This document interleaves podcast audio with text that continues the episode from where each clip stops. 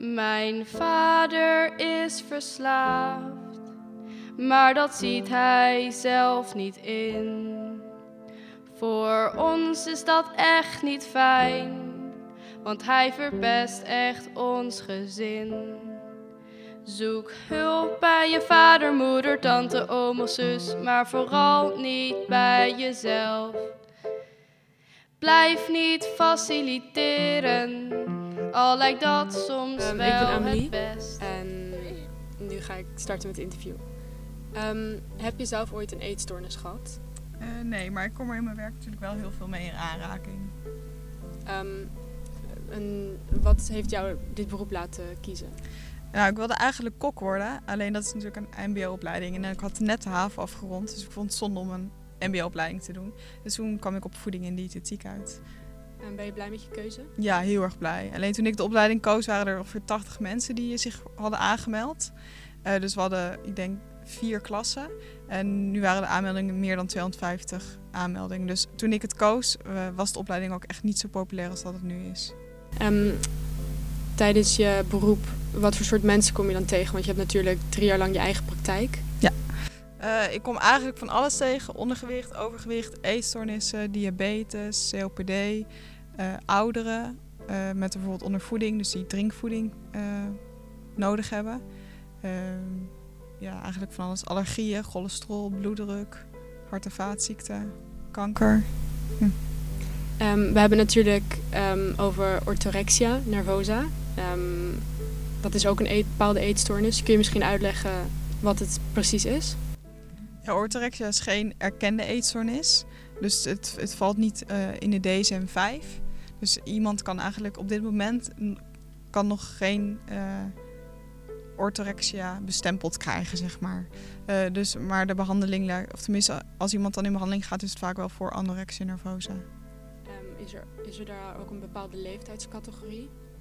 Nee, het komt, ja, de puberteit is natuurlijk echt wel een trigger qua leeftijdscategorie.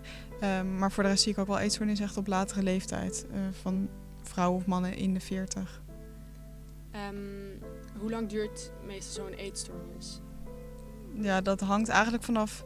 eh, of tenminste, ja, een eetstoornis kan natuurlijk zo lang duren als dat iemand niet in behandeling is.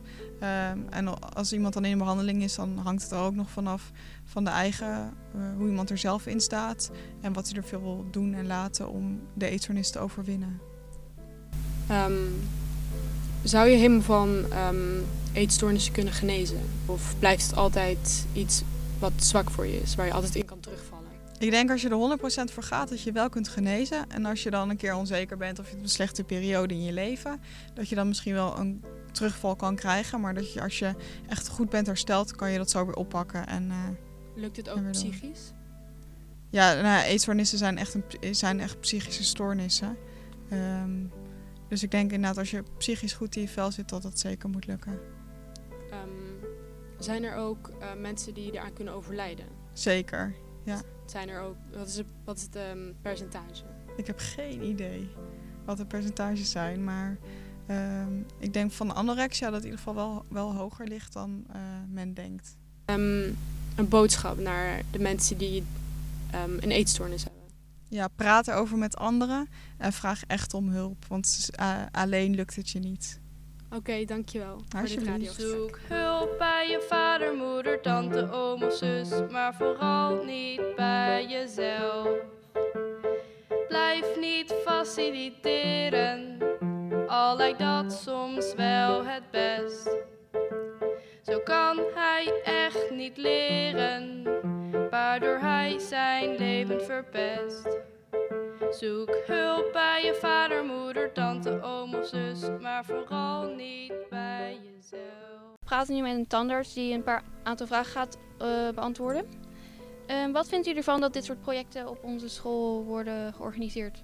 Ehm, vind ik fantastisch, want ik denk dat het juist heel veel aandacht moet krijgen. Omdat zeker ik als standaard af en toe wel eens mensen zie met ehm, gewoon toch defecten en slijtage aan hun tanden.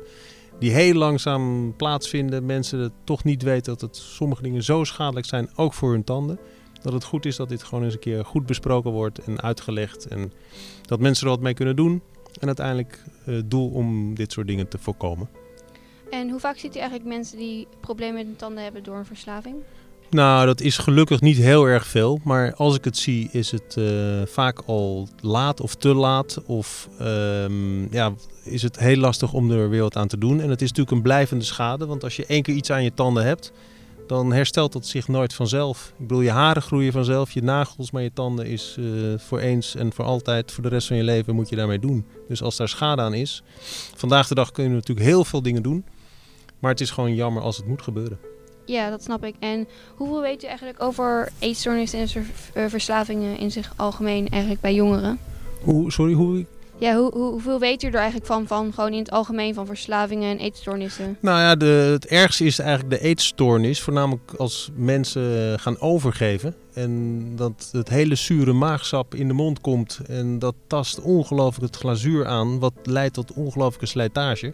En uiteindelijk ook als mensen niet goed gaan poetsen. En met zoetigheid geeft dat karies. Wat gewoon ongelooflijk veel tandbederf veroorzaakt. Met gevolgen, grote vullingen of kronen of uiteindelijk tandverlies. En vindt u dat dit soort projecten verplicht moeten worden op scholen?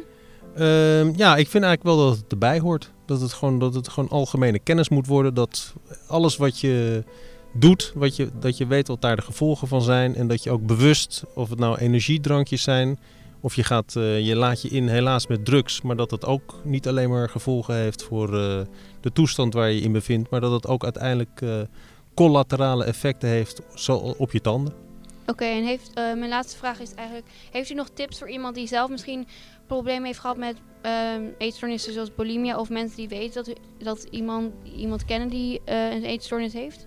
Eh, oh, zeker. Ja, Ehm, voornamelijk mensen die eh, bulimia hebben, die moeten heel goed beseffen dat als ze een keer hebben overgegeven of een oprisping hebben gehad van hun maag, dat ze niet meteen hun tanden gaan poetsen. Want dan is het glazuur juist heel erg eh, verzwakt. En als je gaat poetsen, krijg je juist extra slijtage. Je moet eigenlijk meteen met water spoelen. En een uur wachten voordat je je tanden gaat poetsen. En uiteindelijk is het beste is ja, voorkomen. Want genezen is, het is niet echt genezen, het is repareren. Nou, dank u wel voor uw tijd. Heel veel succes, dank en ga ermee door. Oké, dank u wel.